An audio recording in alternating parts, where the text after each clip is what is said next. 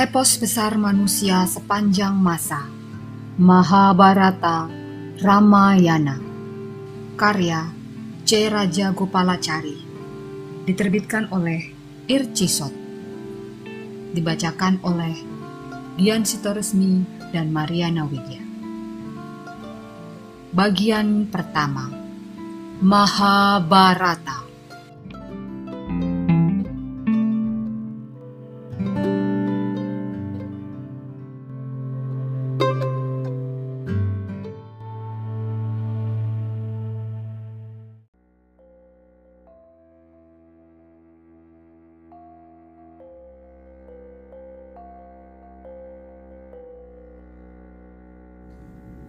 Bab 28 Pasopati. Pada awal masa pengasingan mereka di hutan, Bima dan Drupadi sering berdebat dengan Yudhistira. Kata Bima pada Yudhistira, Amarah yang didasari kebenaran itu tidak salah bagi seorang kesatria Seorang kesatria tidak sepantasnya pasrah begitu saja menanggung penderitaan dan penghinaan. Mereka berdebat sengit dengan mengutip pendapat para arif bijaksana untuk membenarkan pendapat mereka. Dengan tegas Yudhistira menjawab bahwa seorang kesatria haruslah teguh memegang janji dan kesabaran dalam menanggung penderitaan merupakan kebajikan paling mulia. Bima tidak sabar ingin segera menyerang dan membunuh Duryudana. Ia ingin segera merebut kerajaan. Menurutnya, bukan sifat seorang kesatria terus-menerus tinggal di hutan tanpa berperang. Kata Bima kepada Yudhistira, Engkau bicara seperti orang yang mengidungkan mantra dan sudah puas hanya dengan mendengarkan kidunganmu sendiri, meskipun sebenarnya tidak tahu artinya. Pikiranmu tidak lagi lurus. Engkau dilahirkan sebagai kesatria, tapi pikiran dan tingkah lakumu tidak seperti kesatria. Perilakumu sudah seperti Brahmana. Seharusnya engkau tahu dalam kitab-kitab suci tertulis bahwa seorang kesatria harus teguh hati dan ulet. Kita tidak boleh membiarkan anak-anak Destarata berbuat curang seenaknya. Sia-sialah dilahirkan sebagai kesatria jika kita tidak bisa menundukkan musuh yang licik. Itu pendapatku dan menurutku. Seandainya kita harus masuk neraka karena menghabisi musuh yang jahat dan licik, neraka itu akan serasa surga bagiku. Kesabaranmu menanggung derita ini membuat hati kami panas. Aku dan Arjuna sulit menerima ini semua. Hati kami berontak hingga kami sulit memejamkan mata. Bangsat-bangsat itu telah merampas kerajaan kita dengan licik. Kini mereka bergelimang kekayaan dan pesta pora. Sementara itu, Engkau di sini diam saja seperti ular sanca yang kekenyangan. Katamu kita harus menepati janji kita. Bagaimana mungkin Arjuna yang masyhur hidup tanpa dikenali orang? Bagaimana mungkin gunung Himalaya yang menjulang tinggi disembunyikan dengan segenggam rumput? Bagaimana mungkin Arjuna, Nakula, dan Sadewa yang berhati singa disuruh bersembunyi Apakah mungkin Drupadi yang sedemikian terkenal berjalan tanpa dikenali orang? Bahkan jika kita lakukan hal yang mustahil itu, kaki tangan anak-anak Destarata akan menemukan kita.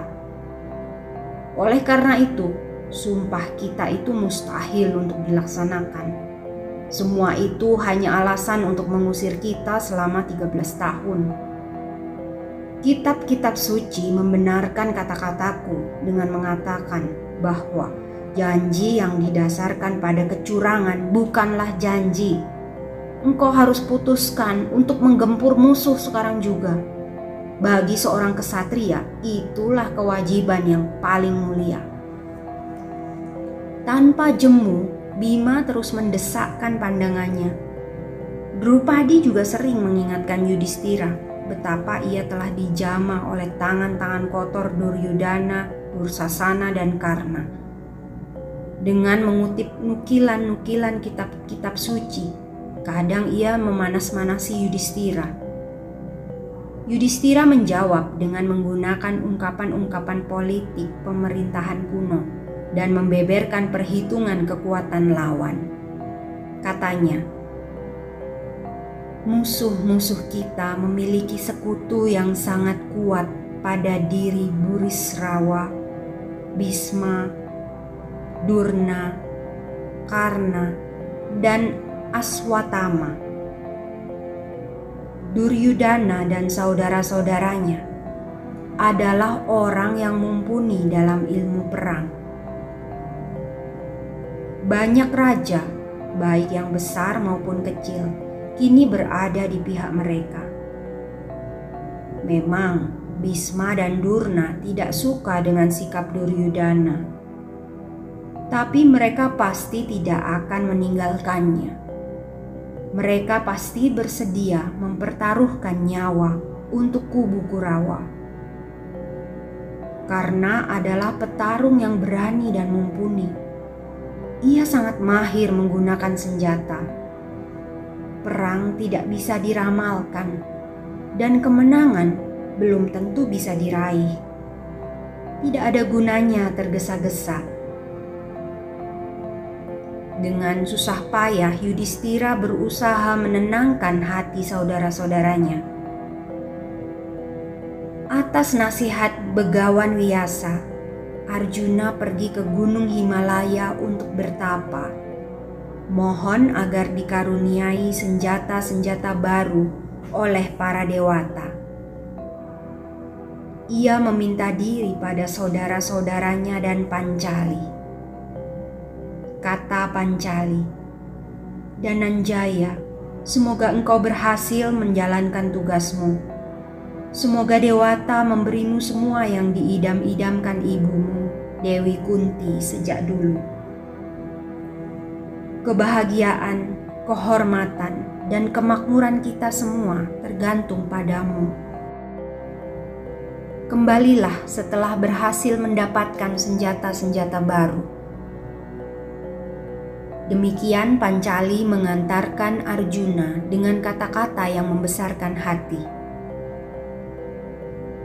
Meskipun kata-kata itu keluar dari mulut Drupadi istrinya, doa penuh harapan itu adalah doa ibunya Dewi Kunti. Semoga Dewata memberimu semua yang diidam-idamkan ibumu, Dewi Kunti, sejak dulu. Arjuna berjalan melewati hutan-hutan belantara dan sampai di puncak gunung Indrakila di sana, ia bertemu seorang Brahmana tua. Pertapa itu tersenyum dan bicara dengan penuh kasih kepada Arjuna. Nak, engkau berpakaian seperti layaknya prajurit dan membawa senjata. Siapakah engkau? Di sini tidak ada gunanya membawa senjata. Hai kesatria, apa yang kau cari di tempat ini?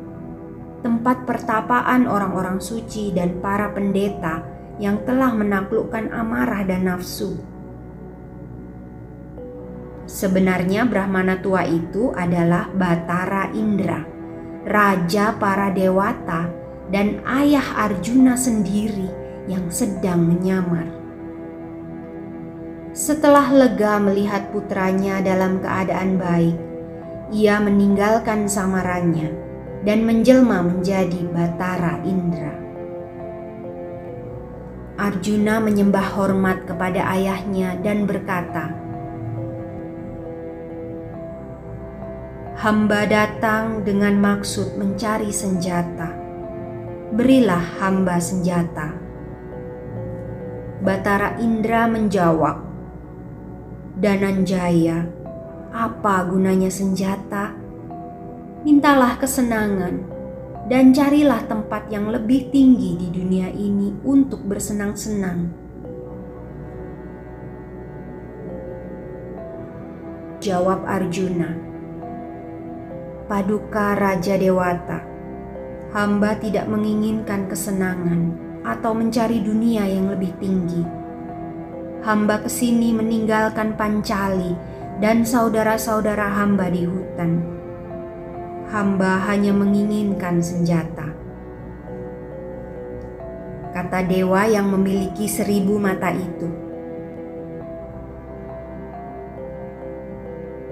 Jika engkau bisa mendapat restu Batara Shewa, dewa bermata tiga, kau akan berhasil mendapatkan senjata yang kau inginkan.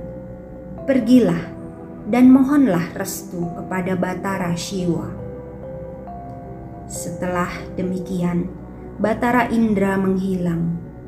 Kemudian Arjuna pergi ke Himalaya dan bertapa untuk memohon restu dari Batara Shiwa. Batara Shiwa menyamar menjadi seorang pemburu. Ia ditemani saktinya, Dewi Uma mereka pergi ke hutan untuk berburu.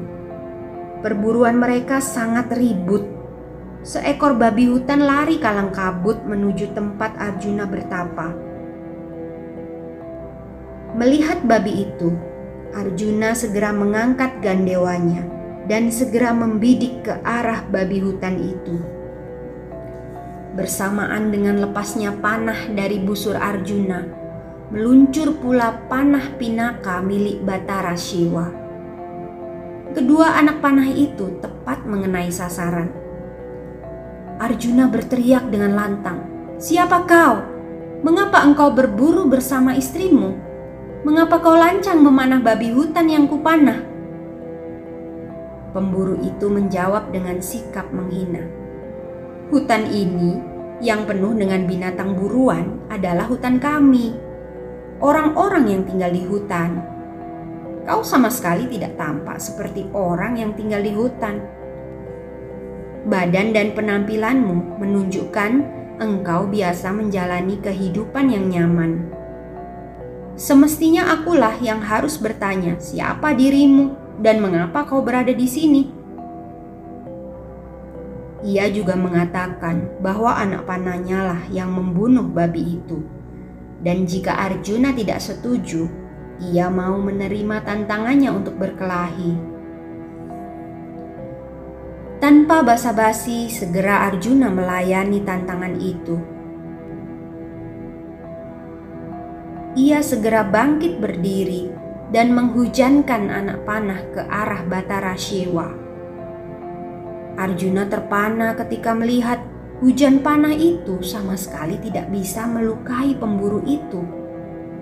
Semua anak panah yang dilepaskan jatuh ke tanah tanpa ada yang bisa melukai si pemburu. Setelah panahnya habis, ia mulai memukul Batara Shiwa dengan busur. Tapi pemburu itu tetap tenang, bahkan dengan mudah ia merampas busur dari tangan Arjuna. Ia tertawa terbahak-bahak Arjuna hanya bisa terperangah. Tapi itu tidak membuat hati Arjuna ciut. Ia terus menyerang pemburu itu dengan pedangnya. Arjuna hanya bisa terperangah ketika ia melihat justru pedangnya yang berkeping-keping ketika mengenai tubuh pemburu. Arjuna tidak punya pilihan lain selain bertarung dengan tangan kosong. Sekali lagi ia kalah. Pemburu itu menangkap Arjuna dan memegangnya kuat-kuat hingga Arjuna tidak berkutik. Dalam keadaan tidak berdaya, Arjuna mengheningkan cipta dan memohon kepada Batara Shiva. Dan seketika itu juga terlintas di pikirannya yang sudah kehabisan akal ia tersadar siapa sebenarnya pemburu itu. Ia segera bersimpuh dan menyembahnya.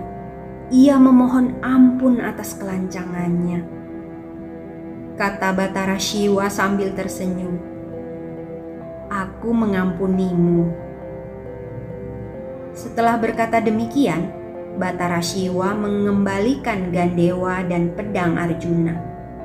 Ia juga menghadiahkan senjata yang sangat ampuh, Pasopati. Tubuh Arjuna yang luka terkena pukulan dalam pertarungan yang tidak seimbang itu menjadi utuh dan sempurna kembali berkat sentuhan Batara Shiva. Selain itu, berkat perkelahian itu, tubuh Arjuna menjadi seratus kali lebih kuat dan cekatan. Kata Batara Shiva, Pergilah ke kahyangan dan temui ayahmu Batara Indra untuk menyampaikan hormat dan baktimu kepadanya. Setelah berkata demikian, Batara Shiva menghilang. Arjuna sangat gembira. Serunya, Benarkah aku telah bertemu langsung dengan Batara Shiva dan mendapatkan berkahnya? apalagi yang aku butuhkan. Waktu itu, Matali, sais kereta Batara Indra, tiba di sana dan membawa Arjuna ke kerajaan Dewata.